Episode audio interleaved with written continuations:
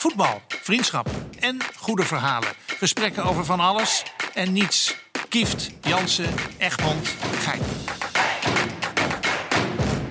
Ja, daar zijn we weer met een aflevering van uh, Kieft, Grijp, Jansen en Van Egmond. Ik kan die naam niet eens onthouden, zo lang is die.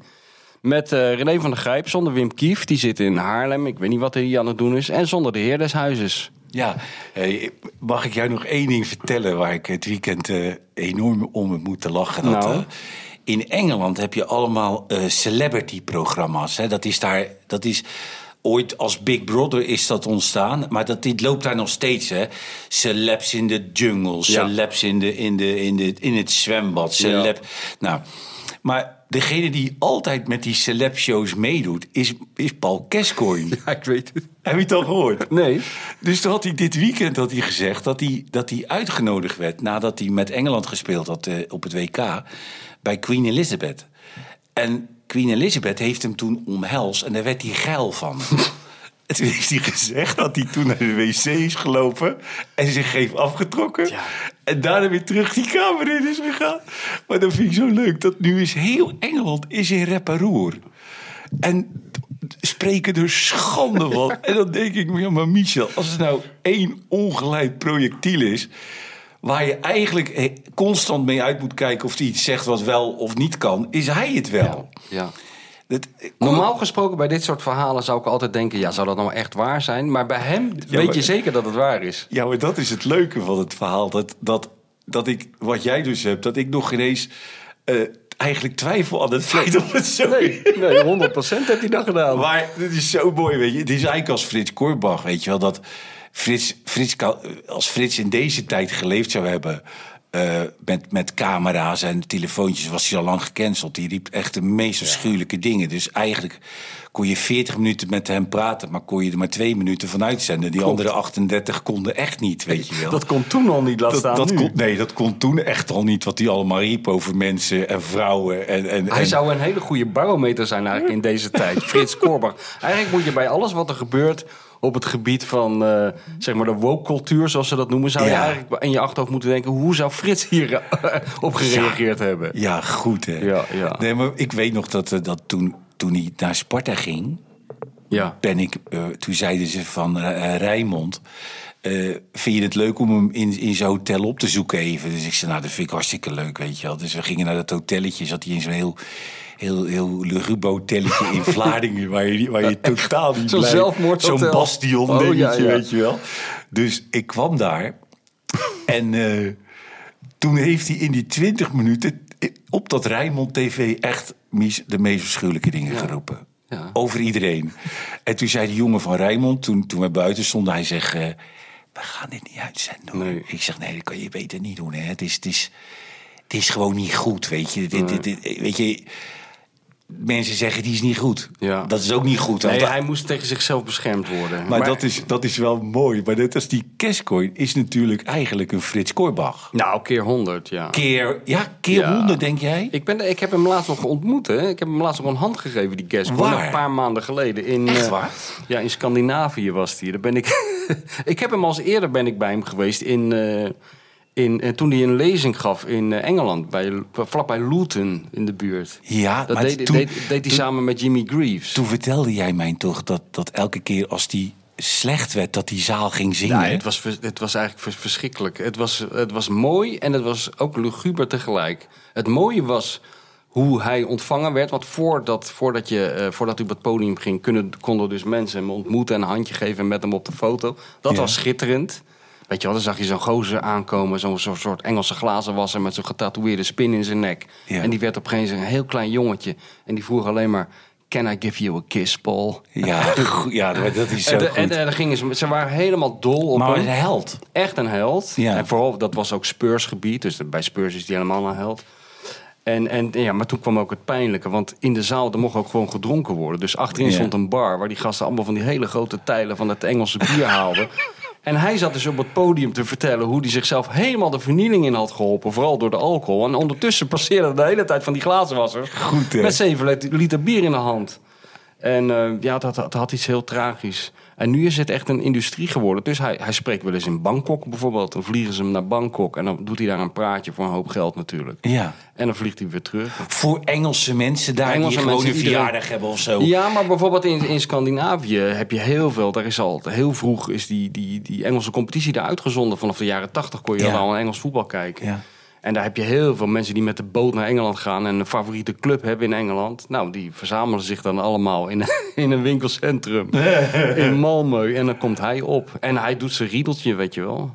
Jij kent het wel, want ja, nou, ik jij, heb het jaren gedaan. Je hebt het jaren gedaan. Nee, maar weet je wat zo mooi is? Dat bij, bij, eh, bij Frits vraag je nog af, was het, was het een toptrainer? Maar, maar Kescoin was wel een Ah, topspeler. man. En dat die show, zo, nee, je kan het amper een show noemen, maar dat begint dan met, met een clipje van vijf minuten. En dat is wel heel mooi gemaakt. En daar zie je doelpunten die je ook helemaal niet kent. Nou, daar vallen mensen van de stoel. Dat is wel leuk hoor. Want die mensen die in die zaal zitten, de helft is natuurlijk een ramptoerist. Ja. Die wil eigenlijk Ja. gewoon, eigenlijk gewoon zien hoe slecht hij eraan toe Dat is. hij dood neervalt. Ja, of hij nog leeft. En, en ja, Ja. ja. Ja, ja, Zo, zo ging ik vroeger naar die concerten van Miles Davis. Op het eind speelde die eigenlijk best wel vals. Maar elke keer dacht ik, dit kan de laatste zijn. Ja. Dat hebben ze bij die Gascoigne ook. Maar dan laten ze dat clipje zien. Ja, dan valt iedereen gelijk van zijn stoel. Ja, dat ja, is niet normaal. Dat begint met die vrije trap op Wembley tegen Arsenal. Vanaf een metertje of dertig in de kruising. En zo gaat het maar door. Ja, ja, ja, ja, ja. Ja, dat is mooi. Maar is zo mooi toen ik... Ik hoorde dat, weet je wel. En ik vind het dan zo leuk dat dan dat land in rep en Ja. roer is. Dan denk ik, ja, maar jongens, kom op. Ja, maar die combinatie in Engeland, de koningin en Gascoigne. ja, dat, dat zijn twee eh, hele gevoelige punten daar natuurlijk. Ja, goed is dat, hè? Ja, ja, ja. Er zijn wel mooie documentaires over die jongen gemaakt. Het voordeel is natuurlijk dat hij A, zo krankzinnig veel heeft meegemaakt... maar ook zo krankzinnig open daarover is, hè? En hij kan best goed praten. Hij, hij heeft een beetje een onverstaanbaar accent. Ja. Maar hij, hij, hij is niet bang om zichzelf kwetsbaar op te stellen, zullen we maar zeggen. hè? Onze Ja. vriend. Maar hij, hij is nuchter als die praat wel. Ja, Want niet- we hebben ja. wel eens George Best beelden gezien. Ja, ja, ja. Die was gewoon zo lam als een aap. Ja, als die- ja. En, en dan wordt het een beetje Nee, dan wordt- pijnlijk. Ah, het is sowieso. Ik, ik vind het altijd pijnlijk. Ik vind het in dezelfde categorie. Als je op eh, eBay aanklikt en je ziet opeens dat eh, een of andere wereldkampioen uit 1966 al zijn medailles moet Johnny verkopen. Ja, Johnny Rap of hebben er zoveel van. Ja. ja, en dan als ge- geven als, als... Ja, het lag toch maar in de kast. Ja, precies. In plaats van gewoon zeggen: ik heb alles opgezopen en ik heb geen geld meer. Zeg dat dan. Dat doet Cashcorn dus wel. Ja. Die zegt gewoon van ja, ik ben helemaal geschrift. Dat zegt hij ook zelf. Ik heb mezelf totaal niet onder controle. En dan begint hij op te noemen wat hij allemaal misdaan heeft. Ja, wel heel grappig. Dat is goed, hè? Ja, dat is heel goed, ja. Over die tijd in Italië en zo, ja. Maar hij heeft natuurlijk allerlei stoornissen ook, hè? Hij heeft allerlei tics en... en, Wim, en- Wim Kieft. ja, dat, dat, dat heeft hij een beetje. Maar dat is door de, denk jij door de drank of 100% door de drank? Nou, volgens mij Of heeft dat hij, heeft hij wel- gewoon. Heeft, hij- heeft hij geloof ik ook wel, hoor. Het is natuurlijk altijd lekker dat mensen die tics hebben drinken. Om het onder controle te krijgen, Zeker, want bijvoorbeeld eh Willy Brood Frequent op het eind... Die, eh, die, die, had, die had dit, hè? Die had trillen, Trillen, ja. Parkinson. Oh ja. En, en toen zei hij tegen mij, hij zegt, ik tril niet meer na één fles jenever. Nee, maar dat trilt niemand meer. Maar ik zeg, zou, zou je daar dan niet mee beginnen, ochtends gewoon? Weet je, dat, Dat was jouw advies. Dat heb je nergens meer last van. Ja, nou, dat advies dat heeft Gascoigne ook opgevolgd. Ja. Want die begon wel eens dronken aan een wedstrijd. Behoorlijk dronken. En eh, dat staat in die, er zijn ook geweldige biografieën over die jongen geschreven. Wat dat betreft is hij een soort, voor die Engelse pers... is hij natuurlijk ook een soort eh, verjaardagscadeau... wat maar niet ophoudt, hè? Ik bedoel... eh, Maar, maar Engelsen hebben sowieso eh, veel meer, zeg maar, handigheid in praten. Hè? Ja. Dat is, eh, bijvoorbeeld Bob- Bobby Robson. Ja. Bob, die oude Charlton, hoe heette die? Eh, ja, Jack Charlton. Jack Charlton, ja, joh. Hey, Jack Charlton. Ja, wat dacht je dan van Brian Clough? Brian Clough, ja. Meneer Clough, als u een probleem heeft met een speler, wat doet u dan? Oh, dat is simpel, dan neem ik hem apart. Dan gaan we een kwartiertje praten en na 15 minuten besluiten we dat ik toch gelijk had. ja. Dat soort dingen. Ja, maar, dat is, weet, maar weet je wat het mooie is, eh, Mies? Dat, dat die, die gasten bijvoorbeeld ook... En nou ben ik het even kwijt bij, bij wie het was. Maar bij begrafenissen... Ja, ja. Bijvoorbeeld bij de begrafenis van George Best. Of bij, dan komt zo'n trainer. En die gaat dan gewoon 20 minuten uit zijn hoofd... Ja, ja, ja. dat over George Best Ja, vertellen. En precies de goede toon. En precies Ja, de goede ja. toon en precies de goede... En dan, dan zit je... Dat, dat, Dan zit je bij kippenvel naar te ja, kijken. dat, is, goed- dat is geweldig. Ja, ja. Maar dat, is hetzelfde als met awardshows. Als je hebt gezien de Lifetime Achievement Award voor Bobby Robson. Die zit Ja. dan als een dood vogeltje eigenlijk nog, nog maar in, de- in het publiek. En er staat al, iedereen staat daar op dat podium. Lineker en Ellen Hansen en Ferguson en de hele klerenzooi. En dan eh, wordt hij geïntroduceerd, wat ze ook al een stuk beter doen dan in Nederland. Ja. Daar, in Nederland gaat altijd de microfoon piepen op het cruciale moment. Of Ja. zo, weet je wel. Ja. Of, of er komt een showballet op wat er niet hoort. Ja. Maar daar doen ze het heel sec. Iemand doet, doet gewoon een hele goede introductie. En dan begint die zaal te klappen. Ja, dat, dat- voor je gevoel duurt het wel een half uur. En dan komt dat oude mannetje strompel, komt aangestrompeld. En die doet dan nog één keer zijn best om zelf ook een goede speech te houden. Ja, dat is geweldig. Ja, dat is, dat is. Ik zeg altijd tegen mensen die. die ik, ik, ik vind het zo mooi. De, de, de allermooiste speech op een begrafenis. eh, was op de begrafenis van Whitney Houston. Dat was die gozer waar ze in de bodyguard, heet hij ook alweer? Oh ja, Kevin Costner. Kevin Costner. Oh ja? Die, dat heb ik nog nooit gezien. Ja, dan moet je echt dan moet je op YouTube kijken. Die komt gewoon naar voren, Mies. Die gaat achter die microfoon zitten een half uur staan vertellen. Ja. Hoe die haar beleefd hebt tijdens de bodyguard en zo. Ja.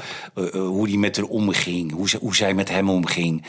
En zo. En dan, dan, kan je, dan, je- dan sta je versteld dat iemand dat kan. Ja, ja, ja.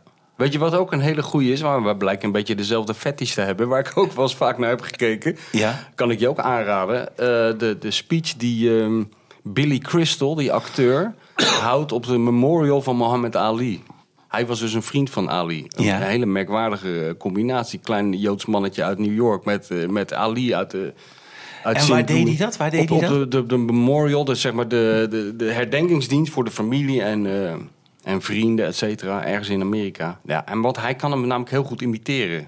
Hij, heeft, hij is doorgebroken eigenlijk ooit in de jaren zestig met een routine waar, waarin hij Muhammad Ali, het leven van Mo- Muhammad Ali speelde.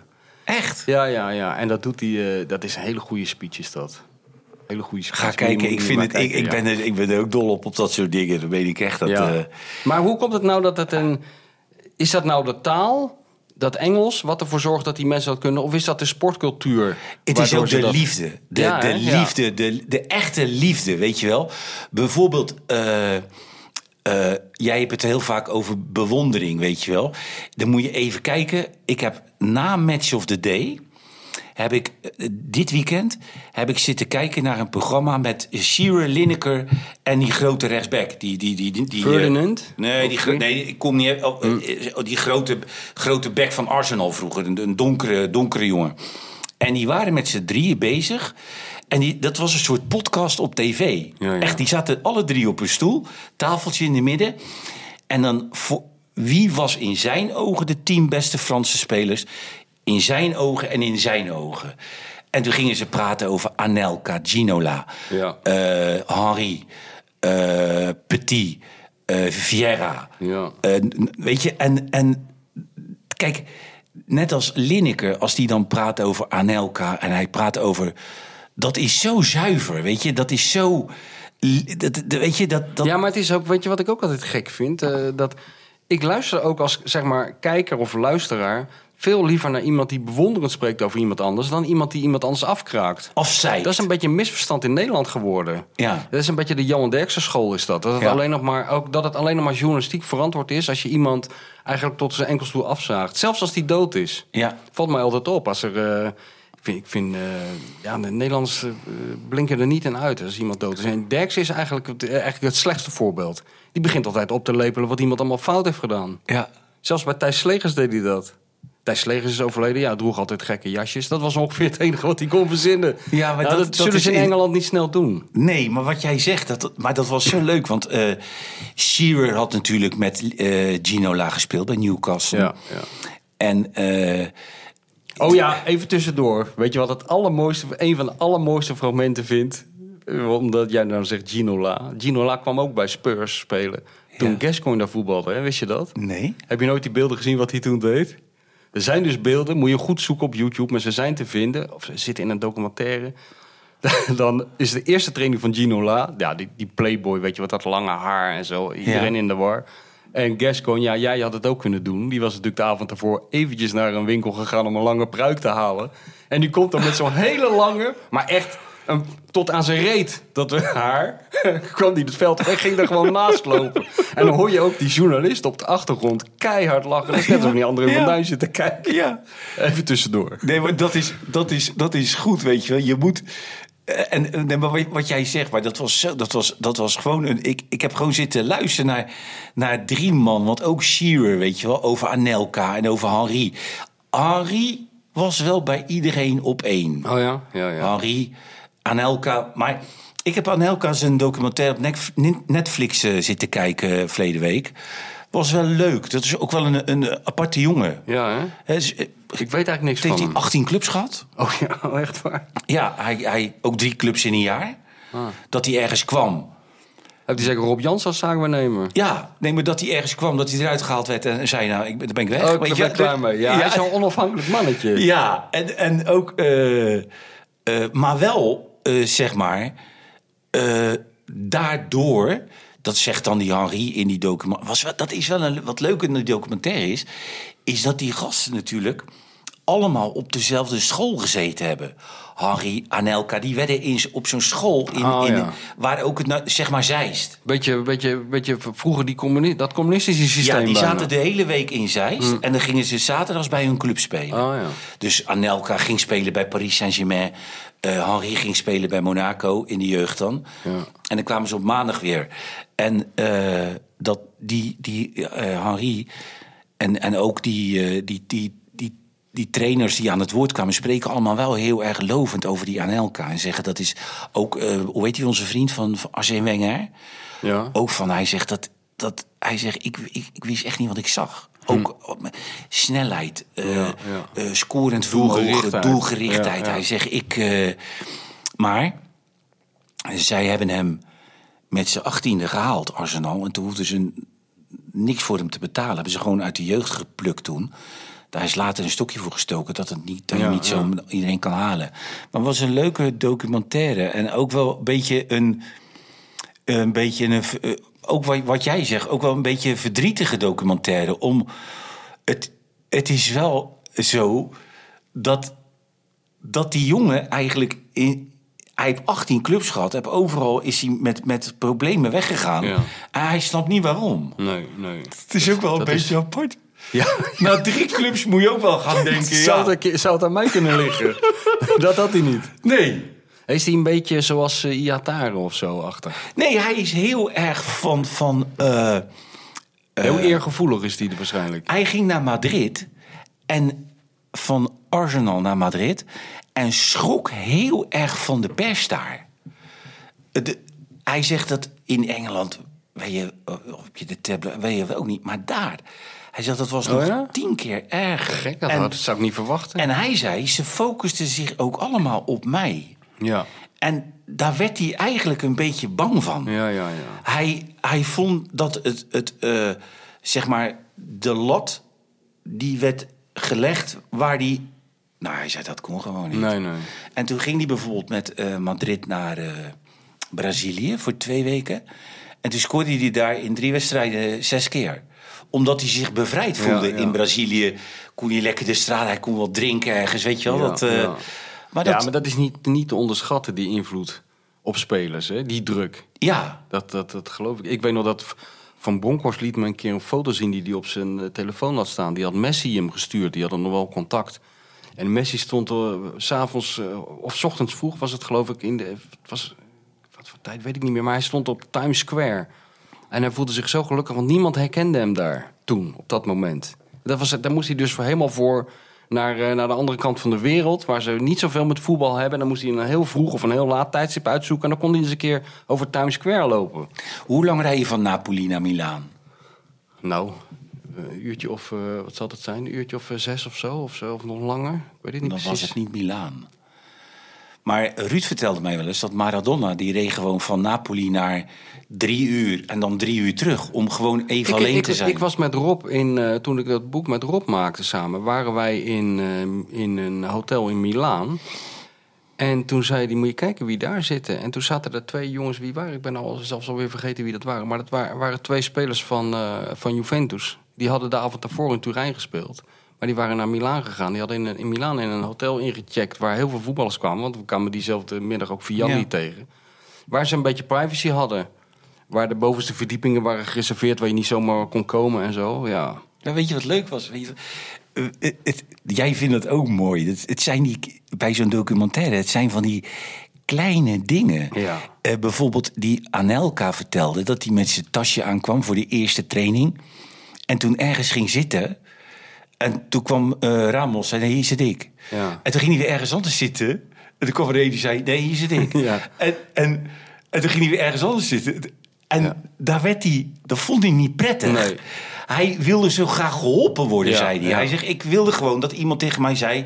joh, hier, ga lekker hier zitten. Ja, maar dat En- is heel raar. Wat jij nou zegt, daar heb ik me nou altijd over verbaasd. Want dit, deze verhalen, ik heb heel lang dat Feyenoord gevolgd, doe ik eigenlijk nog steeds wel.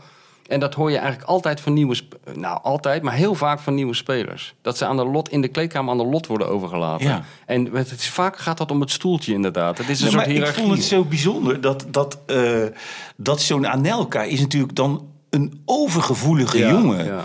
Want Ruud zou na twee keer weggestuurd, eh, zou die gaan staan en zeggen... hé, hey, eh, klootzakken, waar Ja, zit ik? ja, ja, Doe even gewoon. Nu ga ik ergens zitten en dan blijf ik zitten. Maar hij was heel, daar heel extreem gevoelig voor. Maar hij, hij, hij, heeft- hij zei dat hij... eh, hij woonde in Dubai en in, in Zuid-Frankrijk had hij twee huizen.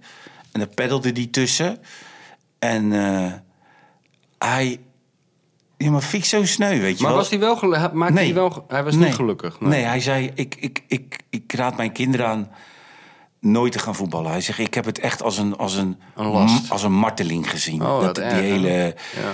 Eh, ook bij... bij nou, hij was natuurlijk ook met die staking van die Franse spelers. Dat kwam ook door hem. Ja. Hij was altijd heel con- controversieel. En, want toen had hij, had hij eh, iets tegen die trainer gezegd. En er stond de volgende dag in L'Equipe iets anders als wat hij tegen die trainer gezegd had. Iets veel ergers. Ja. En hij kon, hij kon dat niet begrijpen. Dat, die, dat, dat L'Equipe. En, maar een hele gevoelige jongen. En, en, maar best wel, wat jij dus zegt, best wel een beetje. eh, eh, ja. Hij, hij, dus je, hij is het, lie- het liefst, zei hij. Hij wil niet erkend worden. Hij wil, hij, dus het liefst zei hij. Eh sta ik 's ochtends om zeven uur op en dan ga ik gewoon lekker drie uur hier in Dubai. Op, op een slechte dag. Lang, slecht minder weer. Lekker langs het strand, heerlijk. Hij zegt en dan eh, niemand die iets tegen me zegt en niemand geen. En, en dat is, eh, maar dat was echt, je moet hem kijken. Ja, zeker, Ook wel een bijzondere jongen. Een bijzondere jongen. Oh, En het, het gekke is natuurlijk dat- het is een bijzondere kerel. En ze dachten natuurlijk dat het in de kleedkamer bij al die clubs een soort gullit was. Die zich van weinig wat aantrok. Echt En- een leider zou zijn. ja, en hij trok zich eigenlijk van alles wat Ja, aan. ja, ja. Weet je, en dat is best wel... eh, maar het is... Eigenlijk kan je dat allemaal beter niet hebben. Wat dat betreft is voetbal wel een, denk ik een uitzondering bij andere sporten. Op een bepaald vlak geldt wel de regel dat je beter niet te veel kan nadenken. Ja. Je kan daar beter niet te gevoelig voor zijn voor allemaal, voor, voor wat er allemaal om je heen gebeurt. Dan word je ook gillend gek. ja. Dat is wel vreemd eigenlijk. Zelf ook in zo'n kleedkamer moet je eigenlijk niet bezig zijn met al te veel dingen dan behalve jezelf, toch? Ja, ja. Maar het is leuk. Hij, hij het, het traint zijn zoontjes ook en zo, weet je wel. Daarbij in Dubai, bij zo'n eh, bij zo'n club. Maar weet je wat het ook is? Want, want jij hebt dat ook altijd gehad, dat je wel gevoelig... Jij zag in de kleedkamer volgens mij ook altijd wel wie, wie wel of niet lekker in zijn vel zat... en wie zich zat aan te stellen en wie zich groter voordeed dan hij was en zo.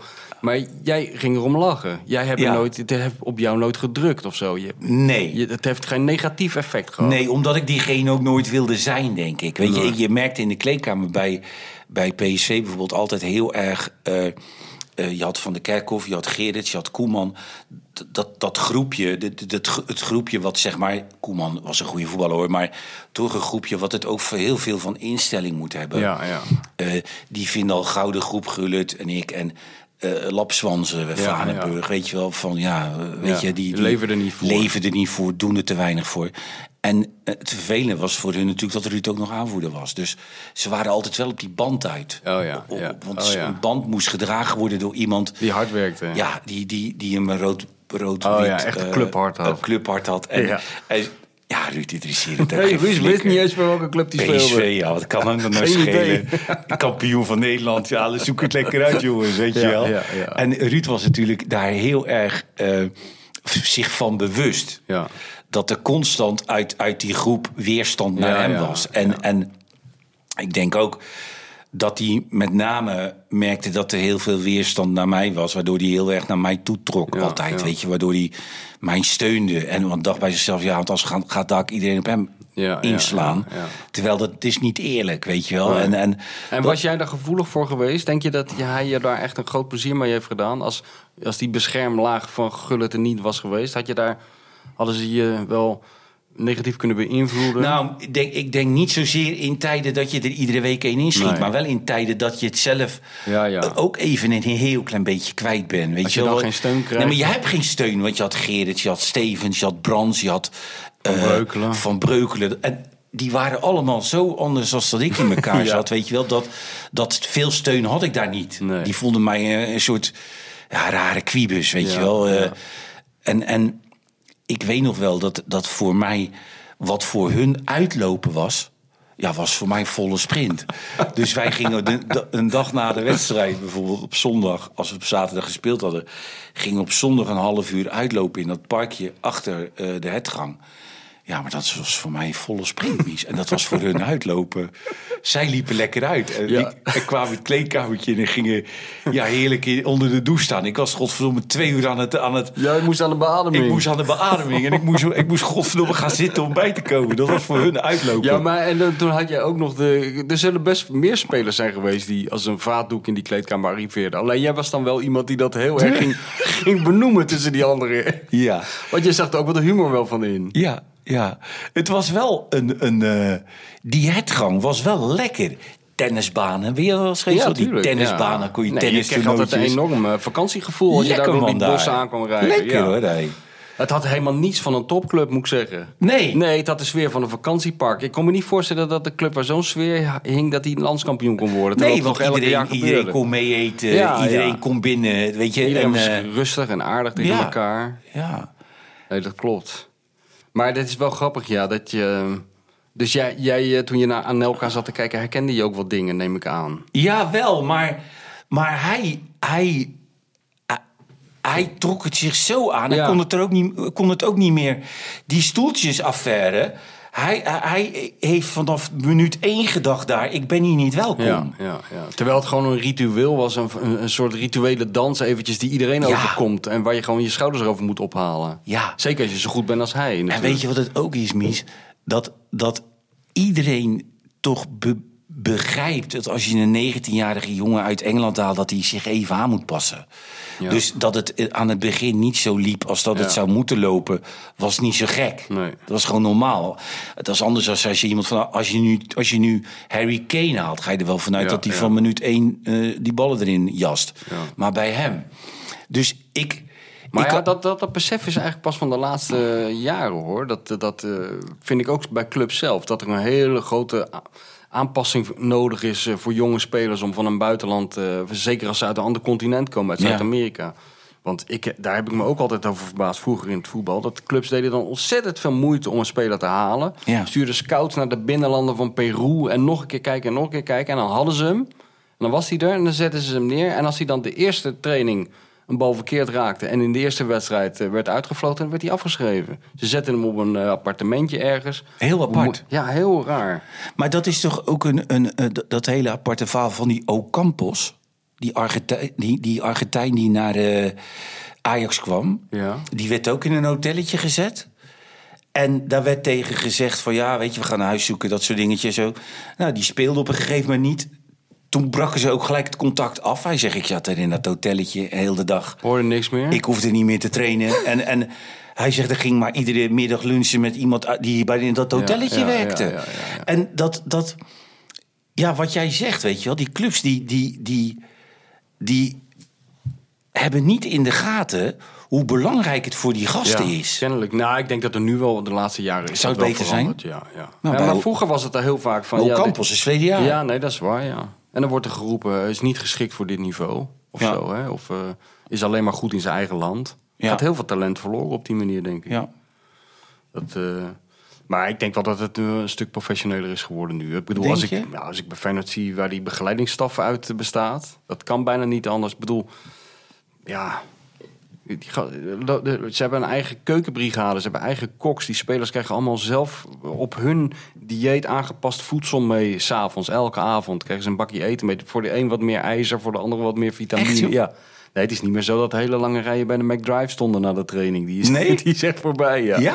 Alles wordt ook gemeten, hè? Was, was wat voor jou geweest? Ja, nee, maar- Dat je elke ochtend op de weegschaal had gemoeten, ja. Nee, maar dat, dat heb je natuurlijk ook in die documentaire gezien van ehm Jumbo-Visma volgens mij. Ja, ja. Dat bij Tom Dumoulin, dat zeg maar dat, dat alles 's ochtends werd op weegschaaltjes, Ja, eh. De, de pasta en, en de groenten en de... de Dat is, dat is nu bij die clubs ook zo. Althans, bij Feyenoord is het ook zo. Dan hebben ze die koks gewoon in dienst. ja. Ook de, eh, de slaap wordt ook gemonitord, hè? Op de ene, met een of ander apparaatje wordt er gekeken hoe vaak ze sliepen. Nou, dat ze, dat ook bij Maar, jou maar dat doen. ze alleen om te, doen ze om als ze gaan slapen of zo. Zoiets, ja. Ik denk iets, eh, een, een horloge of weet ik veel. Ik weet niet precies hoe dat werkt. Maar wel leuk. Als dat bij jou hadden gedaan, waren ze achtergekomen dat jij nooit hebt geslapen. Dat ik nooit- in je hele ook- carrière bij PSV ben je nooit naar bed geweest. altijd- Althans, niet alleen. Dat ik s'nachts om vijf uur thuis kwam iedere ochtend. Ik vind het mooiste verhaal, dat is, toch, dat is toch het verhaal van jou. Dat je een keer was uitgegaan na carnaval met een meisje wat helemaal onder de glitters zat. En toen je, Ja. dat je toen zelf ook onder de glitters zat bij de ochtendtraining. Ja, dat ja, was- dat zijn dingen waar Hans van Breukelen met zijn verstand niet bij kan. Nee, maar dan, dan pikte ik zo'n meisje op, was in een, in een discotheek in Antwerpen. En dan, eh, dan, dan, dan, dan reed ik naar huis om vijf uur. Nou, dan moest je nog met dat meisje aan de slag tot kwart over zeven. Kwart over zeven? Nee, ja, precies vijf, zes. Je, je kon ook 16 minuten nee, over je zeven worden. moet ook nog even een half uurtje beneden zitten natuurlijk. Je kan niet gelijk zeggen, Nee? eh, loop jij de trap daar. Oh, dat de- tenminste, dat deed je dan. En dan was het zeg maar half acht. Maar dan moest je om negen uur op de training zijn. Ja. Dus je had maar anderhalf uur, een uurtje, anderhalf uur slaap. Dus wat ik dan deed, dan, dan, dan legde ik alles al naast mijn bed neer, in mijn schoenen en zo. Dus dan stapte ik om vijf voor negen in mijn schoenen en dan reed ik heel snel. En dan vergeet ik nooit, dat dan kwam ik daar aan. En ik, je geeft iedereen een hand 's ochtends. Ja. En de eerste die ik een hand gaf, die, die doet dit. En de tweede die ik een hand gaf. Die, en ik denk, zou er iets zijn, joh? Ja. En, en ik, eh, ik kijk in de spiegel. Was dat werkelijk. met- Ik leek wel een kerstman, joh. Mijn hele kop zat vol met, met glitters en dingen. Dat had zij dan in de haar. Ja. Maar heel mijn bek zat vol. En, en, en die gasten lagen helemaal in een deuk. Die wat heb jij er gedaan? Maar ja, hoe vaak ik wel niet naar die training greep en gelijk door. Ja. Dus dan kwam Zonder je slaap. Antwerpen om oh, half acht. Dacht je, weet je wat, ik rij wel gelijk naar de training. Neem ik een bak koffie en dan... eh, en dan niet voor... Ik, wa- Subi, van Subi werd dan gezegd dat hij dan vooraan liep. Nou, Ja, dat, ja. dat deed ik dan niet. Nee. Ik liep niet vooraan. Nee. Maar ik, ik, eh, ik, ik trok wel een training, zeg maar. En dan was ik wel blij als ik na dat uitsmijtertje naar huis mocht. Viel ik heerlijk in slaap tot een uur of tien s'avonds, tot een uur of twee. Ik heb me daar altijd over verbaasd, maar dat zal wel met het topsportlichaam te maken hebben. Dat, ik ging vroeger dan met dat Feyenoord mee, ook op trainingskampen. En dan gingen ze natuurlijk ook wel eens via de regenpijp naar buiten. En dan kwamen we ook om zes uur in dat hotel terug, of om half zeven stiekem. En dan, ja, ja, dan was ik altijd 24 uur uitgeschakeld, eerlijk gezegd. Ja, ja, ja. Maar dan sleepte ik mij naar de training en dan kwam ik daar een half uurtje te laat kwam ik daar aan. En dan liepen de boys allemaal weer. En Koeman liep dan wel vooraan en Vergastel. En, eh, Ja, en we hadden zweten er uit en hadden nergens last van. nee. Dat- dat- Nee, dat is... Dat is eh, En ook voor wedstrijden en zo, ja, voor vriendschappelijke wedstrijden en zo. En ik heb het wel altijd over verbaasd dat je dan toch nog 90 minuten op redelijk niveau kan voetballen. ja. Maar jij kan dat, kon dat dus Nou, ook. Ik vergeet nooit dat we, dat we, dat we bij PSV eh, dachten dat we uit moesten lopen. De volgende dag, dat we zeg maar 10 minuten of zo. En dat we toen Tenerife in zijn geweest, tot, echt tot 7 uur. En dat we toen om 9 uur uit moesten lopen. Maar Arnezen, die, nou, die, die kunnen drinken. Die Ja. drinken tot ze doodgaan bijna. hè? die Denen. Die Denen en, Ja. die, en die Scandinaviërs. Die, die, Ja.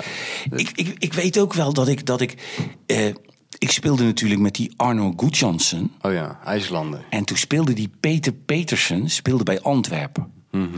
En dan kwam die Peter Petersen, die kwam dan op zaterdag naar Lokeren toe. Om met mij en die Arnor wat te gaan drinken. Je had drie cafés in Lokeren.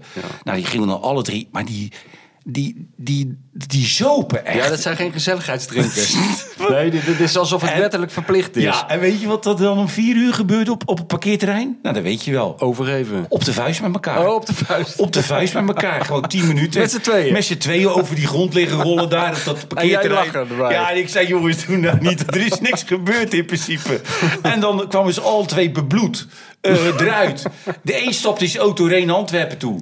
Met, met ik denk 80 glazen bier op. Nee. En de andere moest ik dan naar huis toe brengen. Die Arnoor, die was ook zo sterk als een paard, hè. En eh, ja, dat, die, die, En dan hadden ze een gezellige avond gehad. topavond. Volgende week weer. Topavond. Wanneer doen we het weer, weet je wel? Ja, was goed. Maar over wie hadden we? Nou, die Arnezen. Ja, Arnezen, Dat die Arnezen was echt die, die ook zo lam geworden... dat die kraai op een gegeven moment... 's ochtends bij het uitlopen zei... in die groep van de uitlopers... eh, pak, pakte die de twee uit, die moesten dan gewoon trainen. En één van was Frank Arnezen. Nee. wat, wat is dat voor vooroorlogs eh, En iets? toen hebben wij, hebben Ruud en ik en Koeman hebben langs de kant liggen rollen van het lachen. Want hij moest dan voorzetten, inkoppen en zo. Oh, Maar verschrikkelijk. Dat kon helemaal niet. Dat kon helemaal niet, weet je wel. En je zag echt dat af en toe... hij- moest hij erg. bijna overgeven. Ja, dat, was, dat was goed, man. Ik weet nog dat we in- op dat trainingskamp in Tenerife, Mies... eh, dat die kraai, die lag naast de lift. Dus die hoorde tot zeven uur 's ochtends, hoorde die... ping, als, de- als die lift aankwam. Dus die lag gewoon de hele nacht wakker. Dus die had, we gingen 14 dagen naar Tenerife. En na drie dagen zegt die kraai, hij zegt bij het eten... hij zegt, jongens, één ding. En zo was hij. Hè? hij op een gegeven moment was hij er helemaal klaar mee. Hij zegt één ding. Het interesseert me geen kloten wat jullie doen. Ga iedere avond suipen in die stad. Ga iedere avond hoeren en snoeren in die stad. Maar doe me één plezier. Stap een etage verder of een etage eerder uit. Hij zegt, dan kan ik gewoon slapen. Hij zegt, maar echt, doe waar je zin in hebt. Ja, dat was niet tegen dovenmans Nee. horen. Toen hebben we gewoon tien, tien dagen weer door die stad gelopen lopen rennen daar in, eh in Gran Canaria. En het gekke is, aan het eind van het seizoen was je gewoon kampioen. Ja. God, wat kon die kraai? Die kon echt... Dat, dat zeg maar... Die, die was met zijn vrouwtje en was zo'n serieuze man. Had altijd twee van die hele dikke boeken bij hem als we op trainingskamp gingen. En hij, was, hij kon, die kon totaal niet begrijpen dat, dat er mensen waren die konden lachen om gekke dingen. Of eh, ik, ik weet nooit dat, eh, dat we gingen naar Thailand. En op een gegeven moment wordt er in het vliegtuig omgeroepen dat er nog een koffer staat bij de, bij de balie. Dus die Ruud die kijkt mij aan. Hij zegt, ik zeg, ja, is van mij.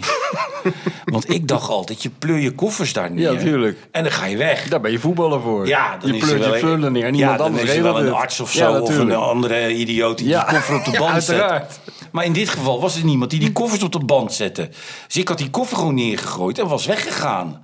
Gewoon naar de tax-free en eh, Ja. weet je wel. Dus op een gegeven moment, en eh, die, die kraai, die, die, die, die roept, zeg, hij zegt, jongens, wie, van wie? Ik zeg, geen idee.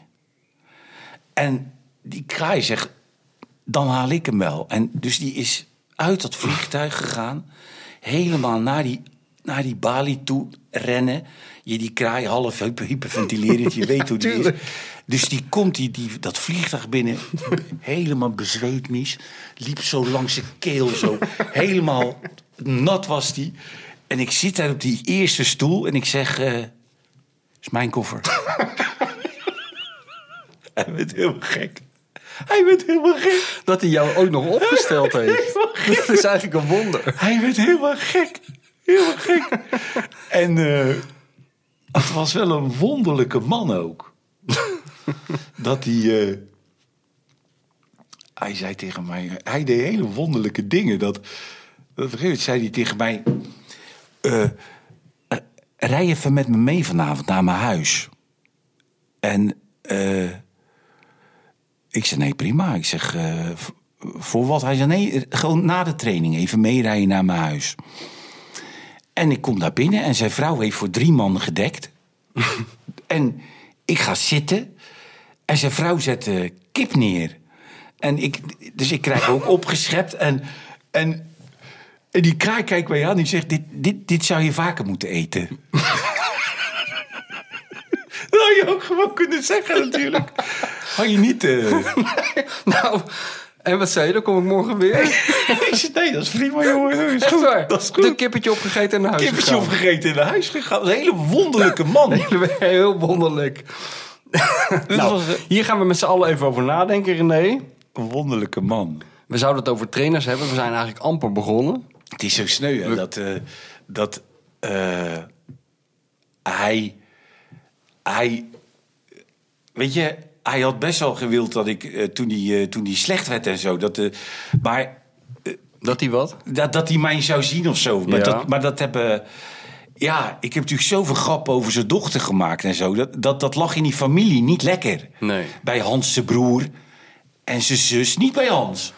Nee, het had, er ook mee te maken dat je die grappen altijd maakte ten overstaan van 1,2 miljoen televisiekijkers. Hè? Als je dat nou gewoon in deze kamer had gedaan voor deze podcast, had er verder niemand gaan geen haan naar gekraaid. Maar Nee, dat is natuurlijk het hele verhaal. ja, ik, ik, ik, ik kan me daar wel iets bij voorstellen. ja. Die Kraai zijn dochter werd natuurlijk heel raar aangekeken bij de bakker. Als ik Ja, weer een, een verhaal over ging vertellen op Ja. tv. En Hans vond het prima. Ja. Want Hans wist ook dat die verhalen, die, zijn, die, ons, die zijn ontstaan in 20 jaar. Ze hadden een kern van waarheid en er is Ja. een hoop bijgekomen. 80% is bijgekomen, Ja. 20% is waar. Dus dit, ze worden ook, ze worden, je maakt ze worden mooier beter. en, en gelikter. Daar en, zijn ze voor. En, en naarmate de tijd vordert, maak je ze perverser als dat Ja. nodig is. Ja. Ik bedoel in kantines en Ja. dat soort dingen. En je maakt ze minder, weet je, dus ja. Maar dus, en dat was de reden dat je dacht van nou, dan ga ik die oude krijt toch maar niet opzoeken. Nee, dat wordt een het beetje werd, pijnlijk. Het werd niet zo ge, ge- Gewaardeerd. Nee. Nee. Terwijl ik best wel... eh, Je, Dat- spreekt, je spreekt altijd wel warm over hem. Ja, maar ik, ik vond het ook een, een ontzettende aardige man. Die, die, die toen al, eh, zeg maar. Eh, Hans zegt dat ook altijd als hij op tv is, weet je. Hans, zijn vader was heel makkelijk. Die zei altijd voor dit seizoen: Als we 100 goals maken, zijn we kampioen. Ja. Dan zei hij René 20, Ruud 20, Koeman 15 nam de strafschop ook. Ja. Schoot er zeven vrije trappen in. Dan ben je al Eh, over de helft. Ja, hij zegt en dan nog Vanenburg 8. Hij telde dat op. Hij zei, nou dan kom je aan de 100. Ja. Hij zegt, dan ben je kampioen. Altijd wel fijn om een ervaren trainer het voetbal even te laten terugbrengen tot de essentie. Hè? Ja. Terwijl dit jaar, ik zit er ook altijd naar te kijken. eh, de, de meeste heeft F- Feyenoord zit op, op, op 70 op dit manier. Komen gaan niet de 100 niet aantikken. Maar het is natuurlijk ook een schande mis dat de topscorer nu op 14 staat. Ja, dat is ook ongelooflijk. Vijf wedstrijden voor het einde. Weet je wat we doen? Daar gaan we het de volgende keer over hebben. Is met goed. onze blonde topspits erbij. Is goed. Die kan daar wat zinnigs over zeggen. En dan goed, zeggen we trouwens. bedankt tegen alle miljoenen luisteraars. Ja. Tot de volgende keer. Hoeveel miljoen waren het de verleden keer? 27 miljoen heb ik gehoord. Oké.